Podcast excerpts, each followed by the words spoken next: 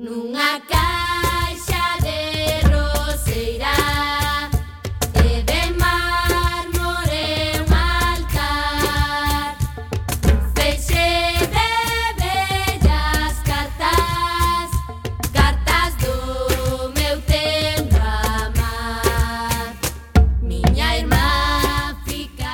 Ola, que tal, recendeiros e recendeiras? Benvidos e benvidas a este espazo radiofónico semanal adicado á cultura que facemos en rigoroso directo todos os martes a 7 da tarde, aquí no 103.4 desta emisora Cuac FM da Coruña.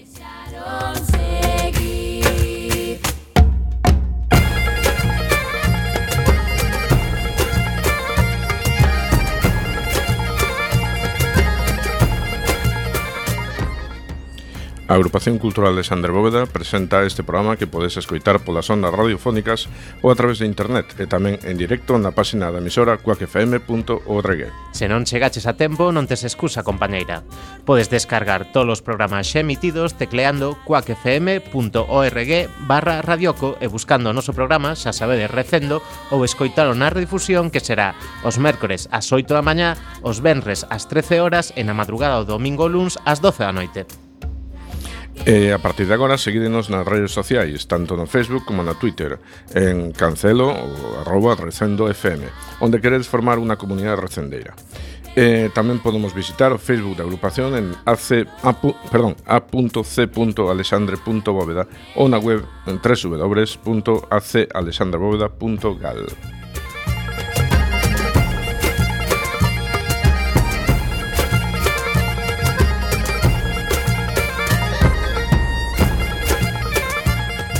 E xa sen máis, imos caraló na procura desta fantástica aventura cultural con Roberto Catoira no control técnico e falándolles coa Almenteira, tamén Roberto Catoira e Javier Pereira.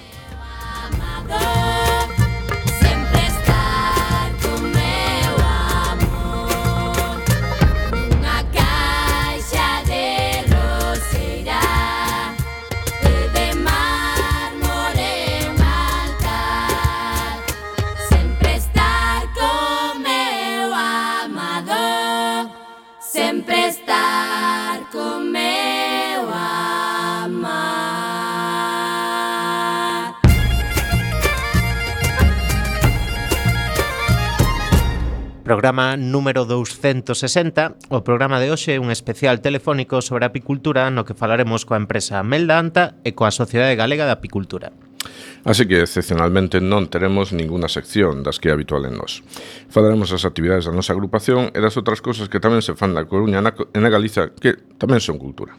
A música de hoxe, a Ecléctica Ensemble, é un nada ortodoxo grupo que se formou alá polo ano 2000 no Conservatorio de Música Tradicional e Folk de Lalín por iniciativa de Richard Rivera, David Salva Salvado, Ramón Piñeiro e Uxía Pedreira. No ano 2010 editaron un disco titulado Electronic Galician Groups. Presentamos a primeira peza de hoxe titulada A Fía.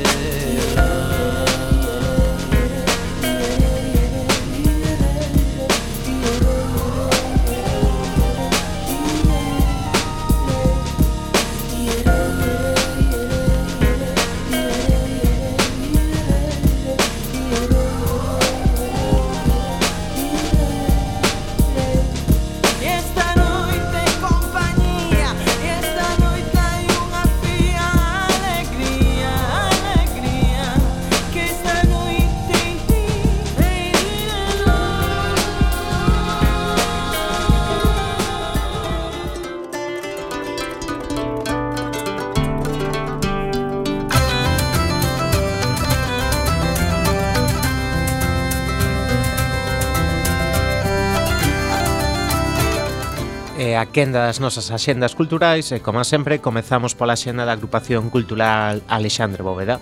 Dende o sábado 17 ato Benres 30 de xuño, a relación relacionada con a campa, o simbólico campo de refugiados instalado nos xardíns de Méndez Núñez, poderá verse no Salón de Actos da nosa agrupación a exposición fotográfica Marcazi, coa que Carolina Santos Noval e Iria Rodríguez queren amosar a situación das familias no campo de refugiados de Obok en Djibouti, na zona do Corno de África. O mércores 28 e xoves 29, ou sexa, a vindeira semana, terá lugar o terceiro curso de verán Ciencias Sociais, Educación e Sociedade, organizado pola Universidade da Coruña baixo a dirección do noso amigo profe, eh, colaborador Uxío Breugán Dieguez. Nesta súa nova edición, o devandito curso centrarse na memoria histórica e cidadanía democrática. As nosas socias da agrupación Alexandre Boda teñen un desconto e só lles custa 30 euros, o prezo normal é de 50 Tedes de prazo para apuntarvos ata o 25 de xuño. O xoves 29, Xavier Maceiras presenta o seu último libro titulado Crónicas de Arteixo. Está editado por Embora e unha presentación estará acompañada por Beatriz Maceda. Será no noso salón de actos ás 8 e media. E o mércores 5 de xullo, recital poético a cargo de Elías Santiso. Será ás 20 horas no salón de actos.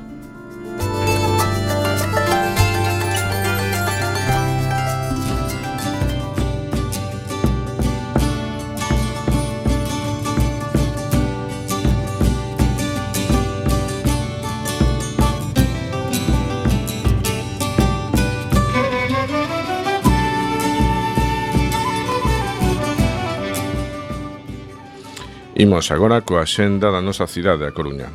No Jazz Filloa actuará mañá mércores LR Quartet. As siglas LR responden ao saxo alto de Lois Rivera.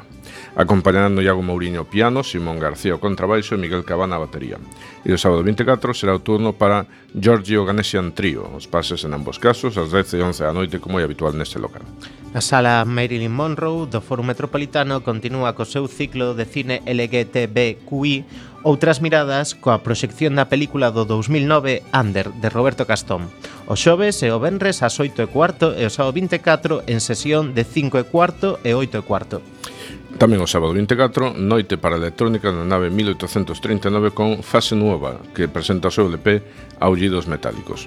Están acompañados por Emilio Xosé, quen tamén presenta o seu novo traballo Nativos Digitais. As portas da nave abrirán ás oito e media. Ato vindeiro sábado 24 na sala plataforma 14 do, Morum, do Fórum Metropolitano permanece aberta a cidade. Mostra que reúne traballos de máis de 40 alumnos de deseño gráfico, deseño de interiores, ilustración, fotografía, escultura, dourado e policromía e cerámica da Escola de Arte Superior de Deseño Pablo Picasso. E rematamos esta xenda coruñesa co Museo Arqueolóxico, no, onde poderemos visitar durante todo o verán unha exposición que nos permitirá chegarnos a vida cotiana no mundo romano do século I.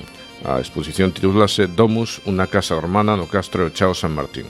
A mostra recolle unha parte do excepcional achado dunha gran casa romana no interior dese castro, situado en Grandas de Salime, Asturias, nas excavacións arqueolóxicas do ano 2004.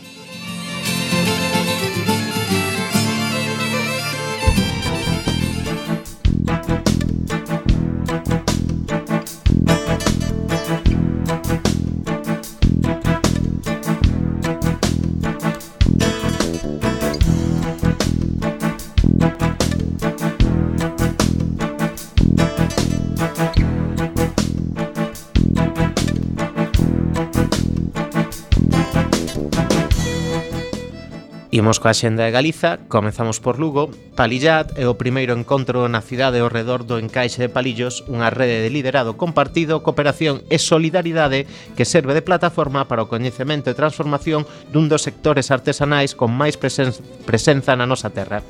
Esta semana chegades a tempo de participar no taller dos xoves que se desenvolverá en dúas partes, de mañá e de tarde, na Capela de Santa María.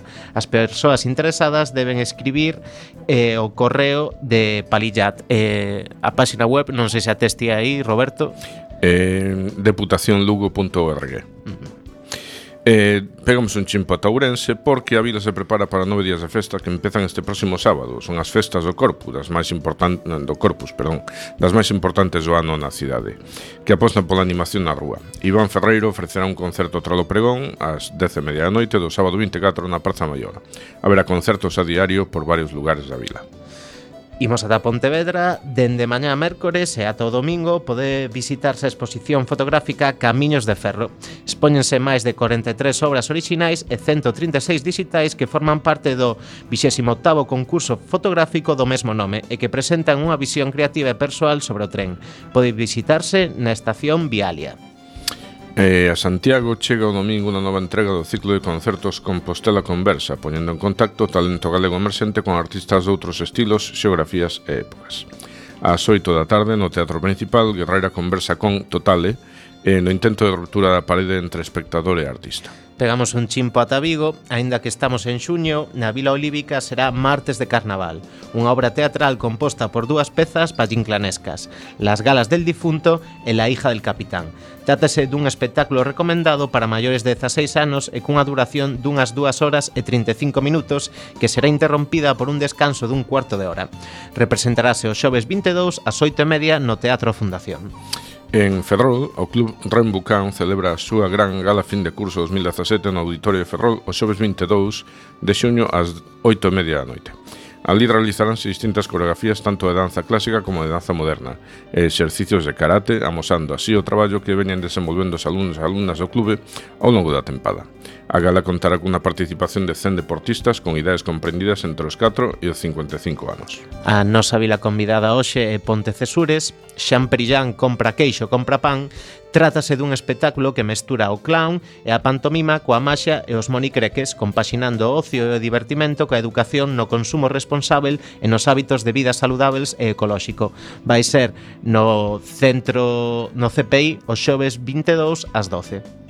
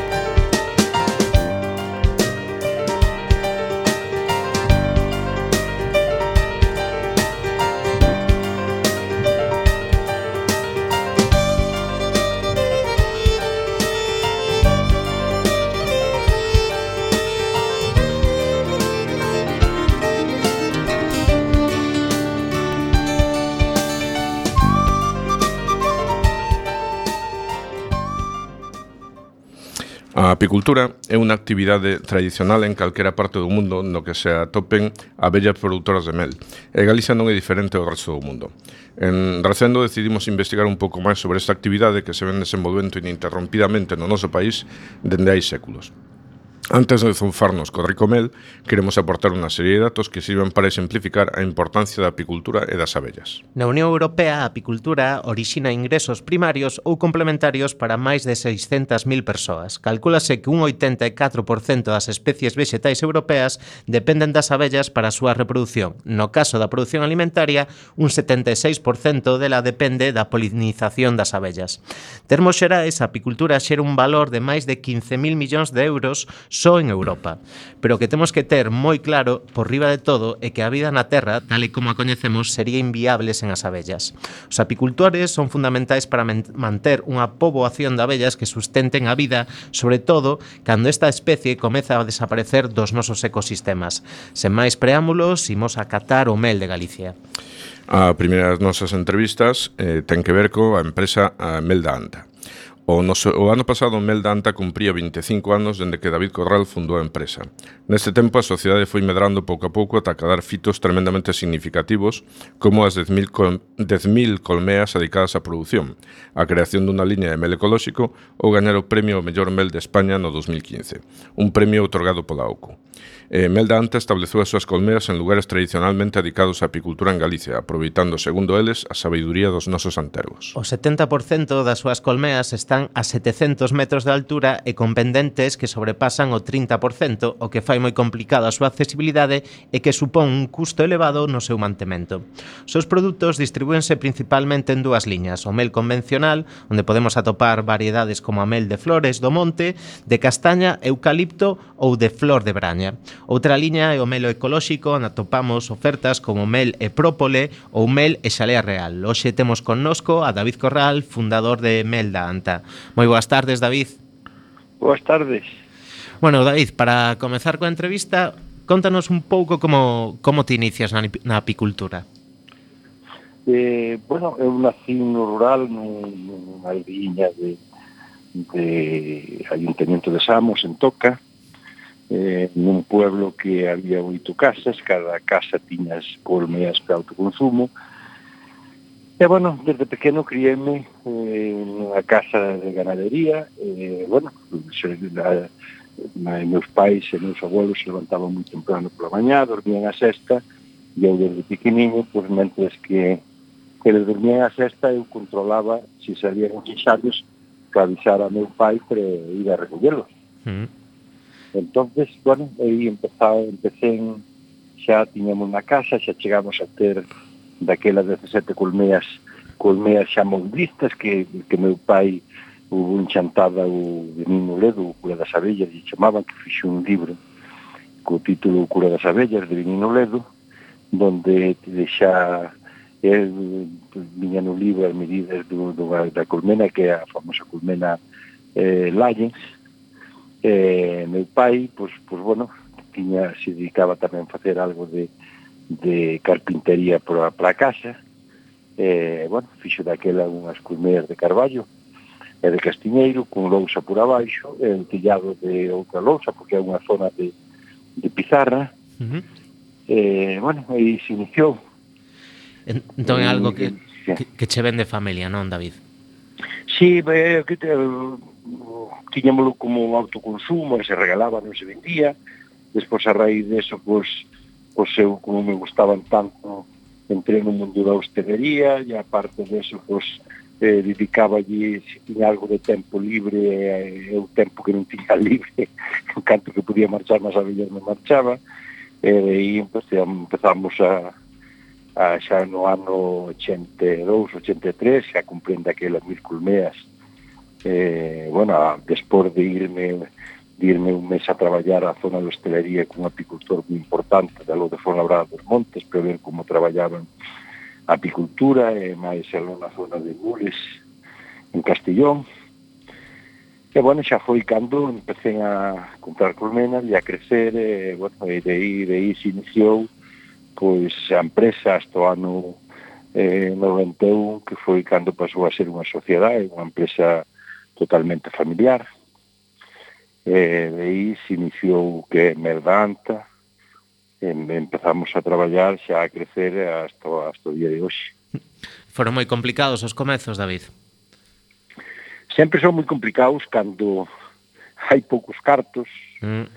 despois, aparte deso de haber poucos cartos, daquela pre sacar un crédito dun banco tiñas que levar toda a familia e amigos a firmar de que te avalaran, eh, e aparte deso, pois, bueno, eh, non tiña unha experiencia moitas veces eh, por moito que que podas ir a Extremadura ou a Valencia tes unha idea, pero a apicultura hai que adaptala á zona de onde un está, non é a mesma apicultura de Extremadura, eh, nin a apicultura de Valencia, a apicultura de Galicia é totalmente distinta polo microclima, o tipo de abella que temos, bueno, un montón de cousas. Sí.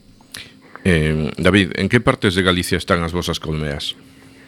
Eh, bueno, ahora estamos, xa estamos na, na provincia de Pontevedra, estamos na provincia de Coruña eh, e a provincia de Lugo. Son as, nas principales, principalmente onde estamos é na provincia de Lugo, todo, son os concellos de Samos, Samos, Tría Castela, Becerriá, Baralla, eh, na zona dos Ancares, estamos despois na zona de Navia estamos estamos eh, neste eh, na, no, no Ayuntamiento de Puentes de García Rodríguez eh, estamos no Folgoso do Caurel eh, bueno infinidad en Lugo na todo que toca a alta montaña Caurel e, e Ancares aí temos moita colmea o Concello de Samos que é onde, onde iniciamos a, se pode dicir onde naceu a empresa, no Concello de Samos. Non, non chegastas aínda a provincia de Ourense? No, non a provincia de Ourense porque, bueno, nós pre, pre, temos moi claro, cando vamos para unha zona, pois, pois bueno, pre destinar un equipo para esa zona, pois o mínimo que hai que meterlle mil e pico de colmeas. E nos queda moito na zona de Lugo, Lugo é moi, ten unha floración moi rica, é un microclima moi bon eh, todo o que é a zona de, de Ancares e Caurel e aí collen miles e miles de colmeas todavía eh? Uh -huh. e bueno, estamos Puebla de Grollón Puebla de Grollón temos hoxe día 36 ou 37 colmeares eh, solamente no que é o, o Concello de Puebla de Grollón que ten rayando co Caurel ten unha parte moi importante dunha vegetación con uns habitat tremendos que, bueno, de feito, se é unha habitaca xa temos o oso tamén Uh -huh. Entonces, eh, eh eso que estás comentando da floración é o que teñen de especial esos lugares para que sexan aptos para apicultura ou hai outros factores? Sí. No, no, é, eh, é, microclima e despois a floración e son son terreos que teñen unha orografía eh, bueno, moi importante cun igual cun 10, un 15%, alguna hasta un 20% entón o bon é puñer o, o que os colmeares abaixo e a abella vai subindo e entón a esas altitudes eh, suben as abellas hasta mil metros de alto. Eh, esa floración por vai escalada non é? Eh, igual unha diferencia de 15 ou 20 días da floración de arriba da baixo todas as abellas aproveitan toda esa floración eh, e aparte na calidad do mel é unha mel de unhas características distintas. Unha mel cunha diastasa que pode chegar un 30 tantos por cento, que non é normal que caso unha mel no mercado con unha diastasa. Diastasa é a frescura da mel e a elaboración que fai a abella, canto menos néctar entra na colmea, eh, por mellor o elabora a abella, máis encima lle dá elaboralo. entonces eso temos no neste sitio de alta montaña tamén non podemos eh, coller unha cosecha como se pode coller nun valle, con, con moita menos cantidad, pero, pero moita mellor calidad. Uh -huh. Xa para rematar con isto das colmeas, non sabemos moito do tema, pero 10.000 parecen bastantes, non? Son bueno, bastantes. somos, sí, son bastantes, estamos crecendo, eh, temos temos a idea si é que, que podemos de chegar pois sobre 15, 20.000 colmenas en dous ou tres anos pero xa somos 20 persoas na empresa, 20 familias que, que traballamos na empresa eh, durante todo o ano, non é dicir temporal, non, non, traballamos durante todo o ano. entonces pues bueno, tamén tes unha satisfacción moi grande neste momento, es que no rural hai eh, pouco, pouco traballo, pois, pues, pues, bueno, tere que desaparecer unhas canteiras, que neste momento as canteiras están paradas, pois pues, é unha satisfacción darlle traballo a xente para que se queden nas aldeas. David, cal é a diferencia entre un mail convencional e outro ecolóxico? Bueno, aí o mel convencional eh, de alta montaña en características, en sabor, en todo, eh, pode ser das mesmas características e o mesmo sabor que o ecolóxico. O que pasa que a normativa de ecolóxico en 3 kilómetros, eh, non radio 3 kilómetros non pode haber ninguna agricultura convencional e os tratamentos que se fan pre, pre o que é a barroa, que é un parásito, pois ten que ser con produtos naturales. Si é verdad que nós tratamos casi todo con produtos naturales porque eh, a, os parásitos, a barroa se desarrolla na cría, eh, cando están en alta montaña tiran 4 ou 5 meses sin criar a colmena que tiran as abellas retargadas aí polo frío e porque non hai floración nese momento e quedan retargadas, entón é un tratamento máis natural que se fai eh, pero esa é a normativa da ecolóxico, ecolóxico un radio, xa digo, de 4 km non pode haber ninguna agricultura convencional. Mm-hmm. Eh, contanos un pouquiño sobre as variedades de mel que ofrece Mel da Anta. Cales son estas? Bueno, as meles que nos eh, recolectamos en alta montaña podemos ter unha mel de, de castiñeiro, eh, unha mel de, de brezo, eh, despois eh, estamos vamos a sacar unha línea tamén de mel de, de silva, de zarza. Eh, son as que as que hai en, o que se en alta montaña. Despois eh, na zona de, de eucalipto pois hai unha mel de eucalipto. Nós temos algúns colmenares, de feito levamos a Coruña levamos a Coruña do, todos os anos dos ou tres colmenares eh, para coller algo de mel de eucalipto pero uns clientes que temos eh, en Inglaterra temos unha liña de mel de eucalipto e o corte inglés tamén ten unha, unha liña de mel de eucalipto e entón levamos uns colmenares á zona da Coruña para que collan mel no eucalipto e algún proveedor que temos da zona de da zona de Pontevedra de, de mel de eucalipto pero son as meles que características de alta montaña que se poden colleitar na zona de Galicia. Eh, realmente se tomamos, por exemplo, o mel de eucalipto, imos notar como un lixeiro sabor a eucalipto ou... Sí, sí, sí, ten un, ten un sabor en olor, ten un olor moi, moi forte eucalipto, eh, a de silva ten un sabor moi suave, unha mel moi suave, moi dulce, moi suave, despois temos a de, a de castiñeiro, que é unha mel que, que deixa un amargo un amargo na, na, no final da boca na lengua deixa un amargo que é o, o sabor do castiñeiro. E temos o dobrezo que ten un sabor forte que rasca que rasca un pouco na garganta o, o mel o mel galego.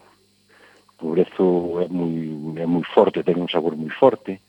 Esas son as características. Pois temos unha mel de montaña nos que é a campiona de todas que, que é unha mel que se compón de todo tipo de floración que hai en alta montaña, silva, castaño, eh, castiñeiro, de carballo, eh, hai en Galicia na zona nosa hai un tomillo baixiño que dá un olor que se incluso se usa para cociñar, dá un olor moi rico, pois, pois deso tamén dá, dá bastante mel moi aromática, entonces esa mezcla de toda esa mel de, de esa variedade de floracións eh, é unha mel moi rica, moi rica e, e bueno, con as características eh, un sabor deixa un, un placer e un placer saborear esa merda. Falemos de cousas que non son tan sabrosas. Eh, falase nos últimos tempos con frecuencia de que a poboación de abellas está en perigo. Obviamente, isto supón un risco para a continuidade de empresas como a vosa, non? Mm, eu non diría que está en, en, en risco. Hai, eh, cada vez se necesita eh, pois, máis cuidados, eh, temos un, un clima moi cambiante, entón, si sí, é verdad que, que non é o clima de fai uns anos que empezaba eh, viña no, no mes de abril, maio, sol, auga, pois agora é moi cambiado aí, co cambio climático que temos influye bastante, pero eu non diría que peligran as abellas. Uh -huh. eh, para iso estamos os apicultores, hai un problema importante, que como levamos xa desde o 97, me parece que foi 98, cando apareceu a barro o Parásito ese, pois, bueno, se tratan as colmeas con produtos autorizados, e para eses produtos, pois, bueno, todo o que, que se mete dentro da colmea, o problema que queda na cera, a cera é moi resinosa, ten moita grasa, se queda dentro da cera eh, bueno, xente que todavía non empezou a, a limpiar esa cera, pois, eh, cando unha colmea está con contaminación dentro, a abella lle afecta moito. Non é que afecta o mel, porque non, a men ten por que afectarlle, porque, eh, bueno, a, a, o que é a cámara de cría, non se saca mel da cámara de cría, as colmeas que temos, a maior parte delas que temos en Galicia, ora é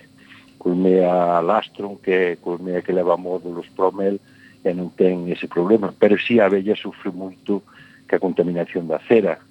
E, bueno, se está empezando, pero a nivel mundial, se están empezando a limpiarla con filtros de carbono, de feito, nós temos totalmente limpio o que é a explotación xa fai tempo, eh, nós de, todo o que é o control da cera, da nosa cera non sale ninguna fora da, da empresa, nin entre ninguna de fora, todo é pre, autoconsumo, elaborámosla nós, estampámosla nós, polo problema que hai de contaminación do cera.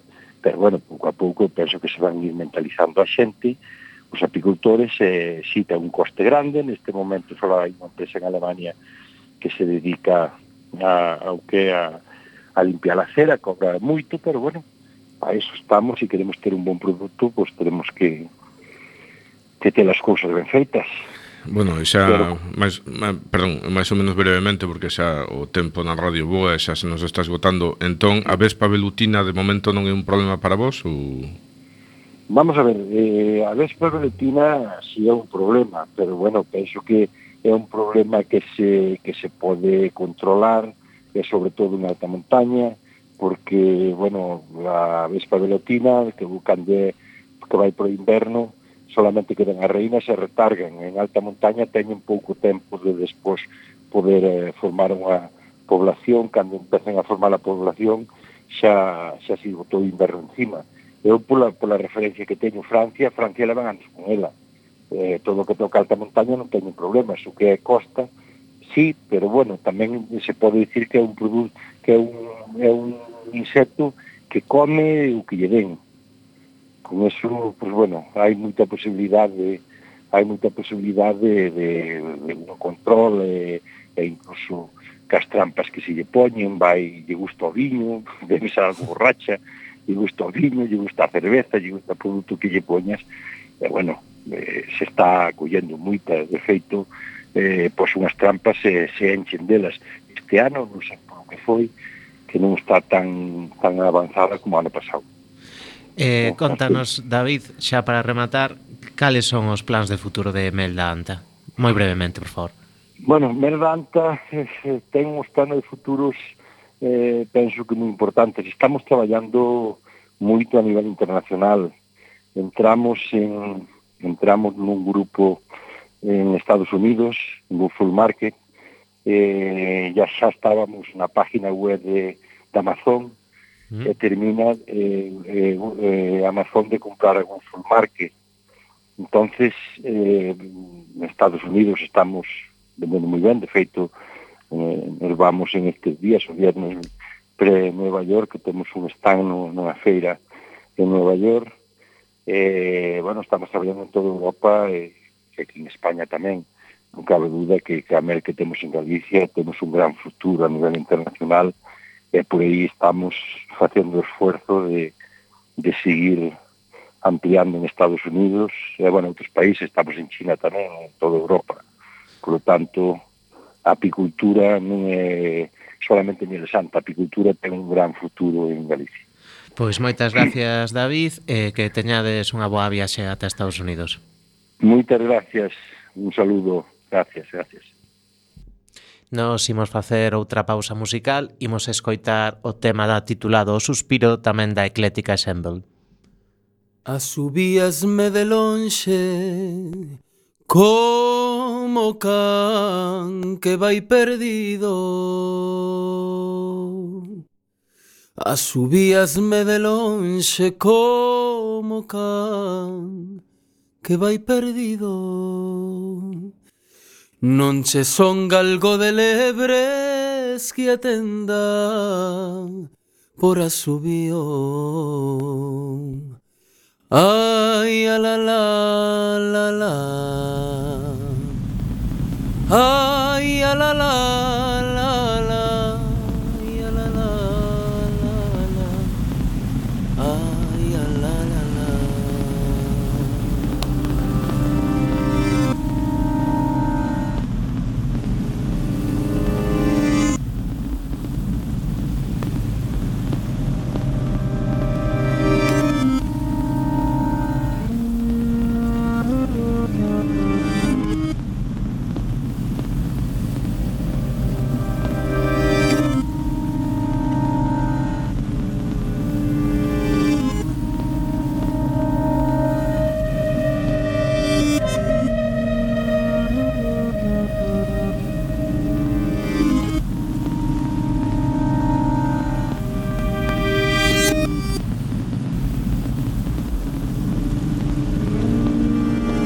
Regardais à travers cette fenêtre, essayant de voir au loin.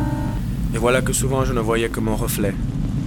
Avec ses cheveux défiant le vent et son sourire impertinent, je savais que c'était à moi de l'écarter. Je manquais pourtant de souplesse pour le faire, pour m'éloigner en chantant.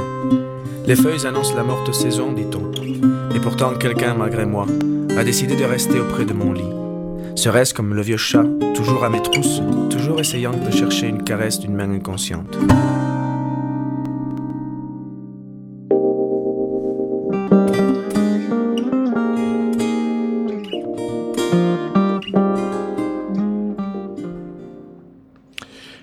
Asociación Galega de Apicultura, ou AGA, leva dende 1980 desenvolvendo e participando en actividades que procuran a modernización da apicultura galega, así como promover o recoñecemento do traballo dos abelleiros a prol da sustentabilidade do noso patrimonio ecolóxico.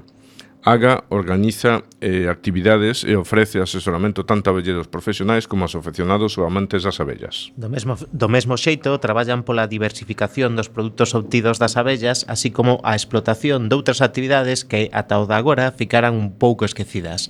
Falamos de sectores como o apiturismo, a terapia con abellas ou a cosmética, sen esquecer o valor educativo intrínseco das visitas escolares aos centros de apicultura. Como lembran dende AGA, poderíamos importar mel dende outras partes do mundo, pero que nunca poderíamos substituir é a función polinizadora das abellas. Para contarnos máis sobre a Asociación Galega da Apicultura, temos hoxe connosco a Suso Asorei, voceiro de AGA. Moi boas tardes, Suso. Boas tardes. Pois, Suso, para comezar, se che parece, imos ir o comezo de AGA. Como é que se crea a Asociación Galega de Apicultura?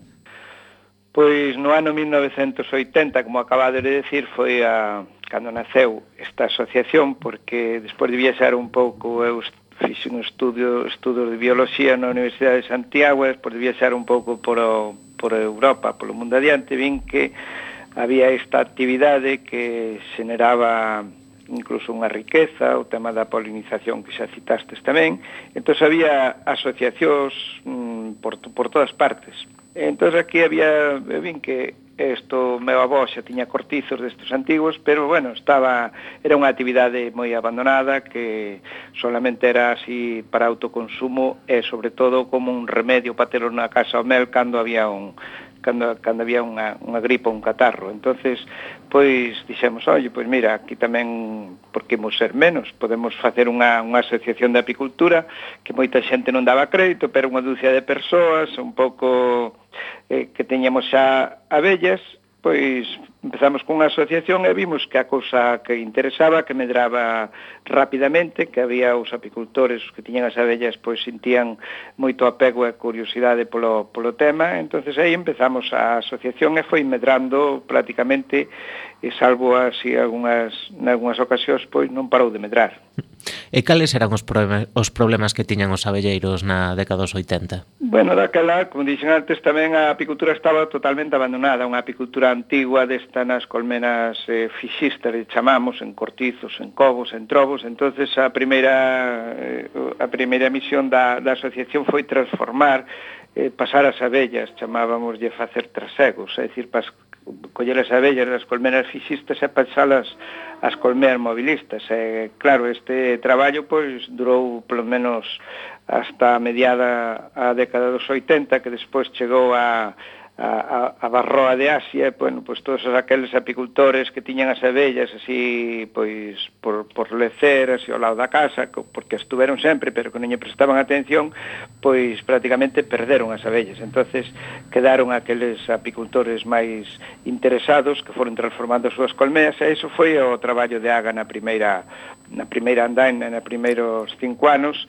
e logo despois ao chegar a Barroa cambiaron moitas cousas, xa tuvemos que a partir de aí as nosas abellas teñen que ser desparasitadas todos os anos, é un, un, eh, un parásito que veu de Asia Entón aí empezaron, cada X tempo vennos unha, unha, unha complicación nova, pero ao principio pois eh, era todo solamente pasar as colmeas, transformar a apicultura e quitarlle o mel e nada máis. Aquela era, como dicimos agora, recordámonos os que somos xa da, da un pouco antigos en, en edade, pois eh, botamos de menos aquela, aqueles inicios.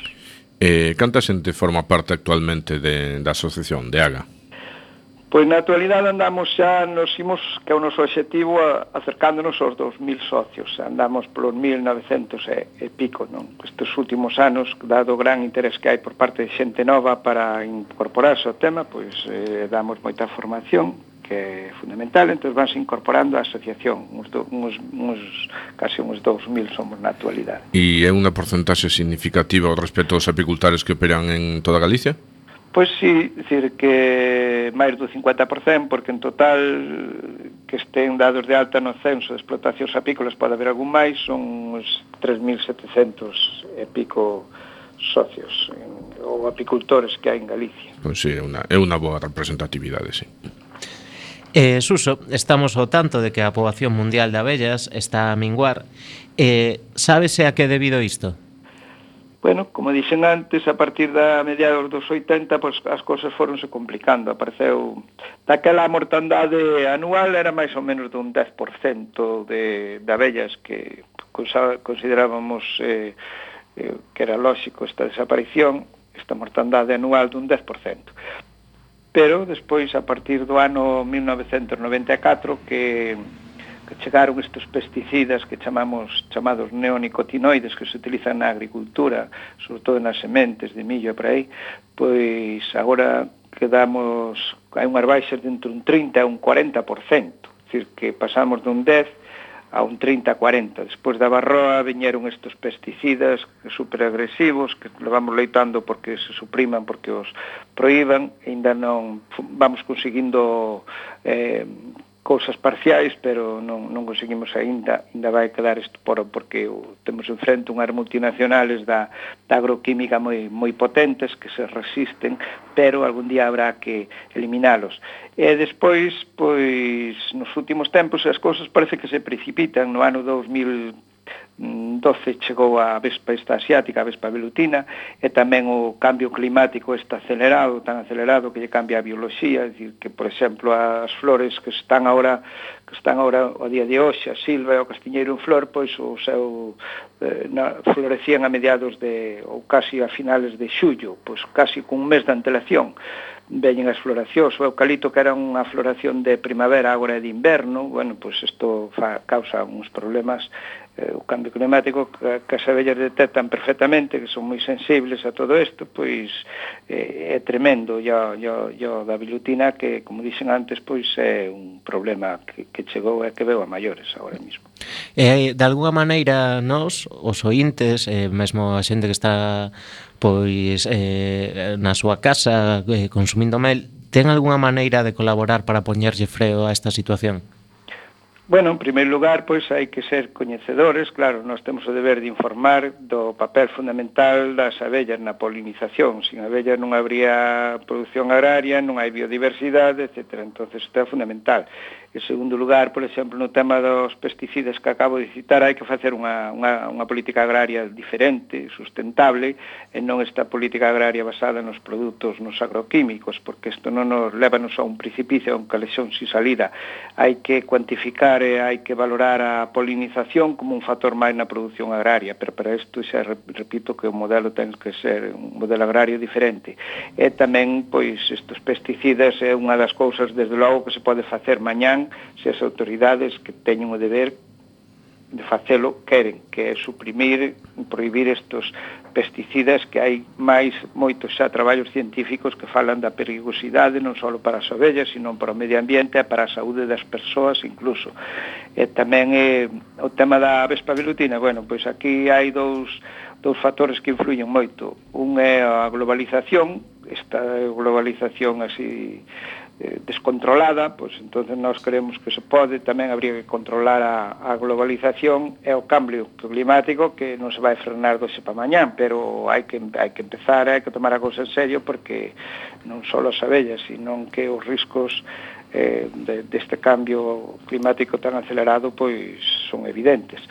Eh, a nivel persoal, pois, eh, eu creo que pois nos animamos a xente a que poña, ainda que sea na súa horta, unha, unha colmea ou dúas colmeas, que hoxe están moi valorados os produtos das abellas e que consuman produtos das abellas porque son moi valorados nunha alimentación saudable e sana e que consuman produtos daqui de Galicia, do, do entorno da, que ten moitas ventaxas do entorno da, da produción, consumir o, o noso mel, que é un mel extraordinario, entonces pois que lle den preferencia porque axudan á economía local eh, van a salir moi beneficiados. Por exemplo, os médicos en algunhas partes do mundo, en Estados Unidos e por aí, frente ás alergias e por aí, recomendan a xente consumir eh, o mel local. entonces nós creemos que, que, que estas son algunhas prácticas que a xente en xeral pode, pode facer e, eh, e, e axudarían a revertir esta situación que, bueno, en principio ten, ten volta atrás, pero non podemos perder moito tempo. Eh, Suso, eh, estás comentando todos os problemas, eh, nos enfrontamos a eh, inimigos moi poderosos como a globalización do cambio climático, obviamente eso non pode facelo calquera. Consideras que as institucións están a facer todo o que están nas súas mans? Porque como elas non tomen o timón, a cousa claro. parece complicada, non? Claro, claro, nós temos que presionar, pero eles son os que teñen que facer. entonces que nós vemos que nestes problemas que nos afectan a nós, eh, pois como por exemplo a chegada da vespa esta asiática, nos decimos que nós imos en carro de vacas, e eles van en bólidos a toda velocidade, decir, non, non, non temos capacidade.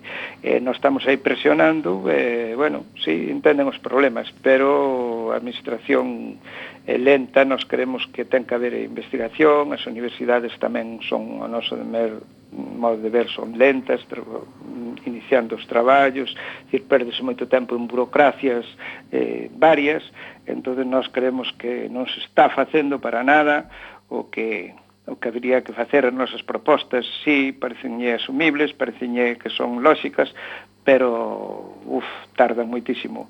Dicir, temos que gastar moita enerxía, moito tempo para ir conseguindo poucas cousas, é dicir que isto tiña que ser moito máis áxil e as institucións tiñan que re reaccionar moito máis rápido no tema da velutina, no tema da o cambio climático, as, eh, o que podamos facer hoxe non se vai notar mañán, pero algún día habrá que facelo, porque senón o futuro das, das futuras generacións pois eh, está, está, está, está moi fastidiado. Imos tentar darlle un ton máis positivo a esta conversa, Suso. Cales son as particularidades da mel producida en Galicia? Bueno, pois eh, o mel de Galicia, desde logo, é moi valorado, entre outras cousas, porque nós hai que darse conta que temos un territorio, dous tercios do noso territorio é monte. Todos os montes teñen flores silvestres, dicimos nós. Estas flores silvestres hai algunhas, unha boa parte delas moi adecuadas para as abellas. Entón, nós temos andado un pouco polo mundo adiante e vemos que estes, estes factores negativos que citamos antes, podemos ya engadir tamén o tema dos incendios forestais e por aí que é un perigo, pero fora de aí pois, podemos decir que temos un paraíso para as abellas. Non? Dicir, entonces, cando por aí nalgún outro país europeo de agriculturas eh, de, de monocultivos eh, de grandes monocultivos e por aí que obteñen mel, pois son meles de flores, a materia prima non pode ter nada que ver ca nosa, porque son eh, flores de plantas cultivadas con uso de mm, uso masivo de fertilizantes, de pesticidas e por aí. Entonces as nosas abellas nos montes pois teñen unha, unha floración silvestres, o castiñeiro, a silva, os, as queirogas, o carballo rebolo, bueno, pois temos un territorio moi amplio para poñer colmenas que se non fora polo tema dos incendios forestais, pois poderíanse poñer aínda moitas máis. Temos unha poboación moi interesada, xente nova, é dicir, hai recambio sempre nos queixamos de que no medio rural non hai recambio xeracional, pero nas abellas sí que o hai, hai moita xente interesada. Eh, os produtos das abellas hai unha gran investigación nas universidades, nos centros eh, laboratorios e por aí que se fan, prepara moitos produtos, entonces os produtos das abellas teñen agora unha, unha zona moi, moi favorable, moi importante, e podense utilizar eh, nunha, a, nunha agricultura, nunha, digo, nunha, nunha alimentación saudable, pero tamén podense utilizar en apiterapia, que citaste aí antes, tamén teñen moitas aplicacións apiterapeutas os produtos das abellas, eh, dado que en Galicia son pequenas producións que non, non utilizamos métodos industriales para envasar o mel como a pasteurización, que lle fai perder moitas propiedades biolóxicas, pois temos un, un, un terreo moi, moi adecuado e temos uns produtos extraordinarios e, polo tanto, hai que consumilos a diario que é do que se trata, cos, cos consumidores de aquí, de Galicia sobre todo. Nos dende recendo Claro que recomendamos o consumo de mel galego, pero nós temos unha pequena dúbida. Cando o mel non é de Galicia, de onde procede o mel foráneo que chega ata os nosos supermercados? Bueno, pois eh, aquí como en outras partes, eh, incluso en toda Europa podemos dicir que o 50% do mel que hai nos supermercados non é de, de por aquí.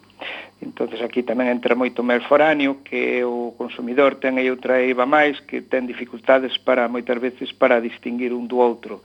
Entonces eh, o, o, o que ven de fora fundamentalmente pois a maior parte ven de China, de Argentina tamén, e de México e de por aí, pero fundamentalmente o país eh, mundial que envía mel a todo o mundo é a propia China. Entón, frente a eso, nós temos aquí unha denominación de origen, unha ICP, Indicación Xeográfica Protegida, que nos, nos sirve para guiar un pouco o consumidor, é dicir, que os meles que levan a, contra etiqueta de mel de Galicia, pois é mel de Galicia efectivamente.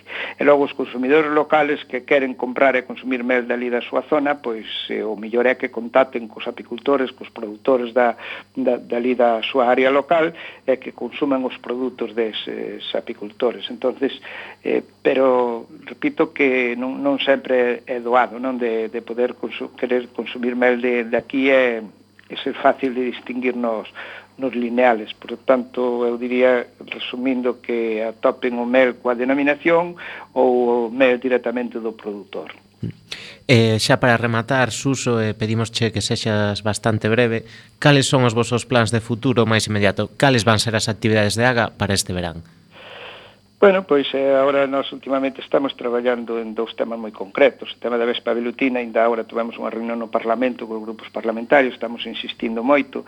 Entón, temos programada unha marcha por toda a Cornisa Cantábrica nun tren, no tren Febe, que vai desde, desde Dende Ferrol. Estamos penso. organizando desde Ferrol a, a Bilbao, e vamos, eh, porque é onde está máis extendida esta vespa, vamos ir eh, tendo reunións, e bueno, actos lúdicos e actos reivindicativos por toda a cornisa cantábrica, e logo tamén pois outras outras actividades nos para nós é moi importante ter unha legislación galega, estamos traballando nun, nunha lei para a apicultura galega porque eh, a, a noutros po, moitos lugares do mundo hai unha apicultura urbana, aquí non é posible pola legislación que temos, pero unha legislación que foi feita en Madrid, entonces non, non está adaptada a Galicia.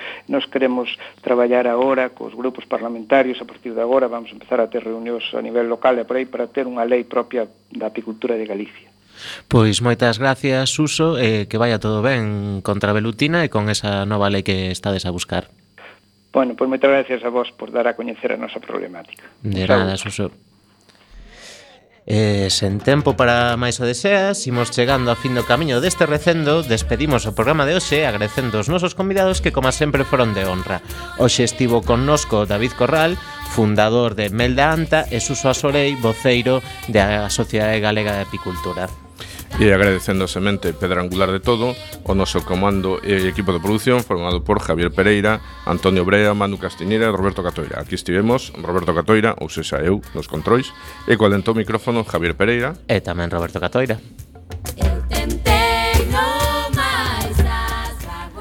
acompañándote en este recendo de palabras e de imaxes radiofónicas que nos traen este aroma cantado na nosa lingua e que nos permite, hoxe e tamén no futuro, a permanencia da palabra, da música e da implicación e o compromiso coa nosa nación, a Galiza.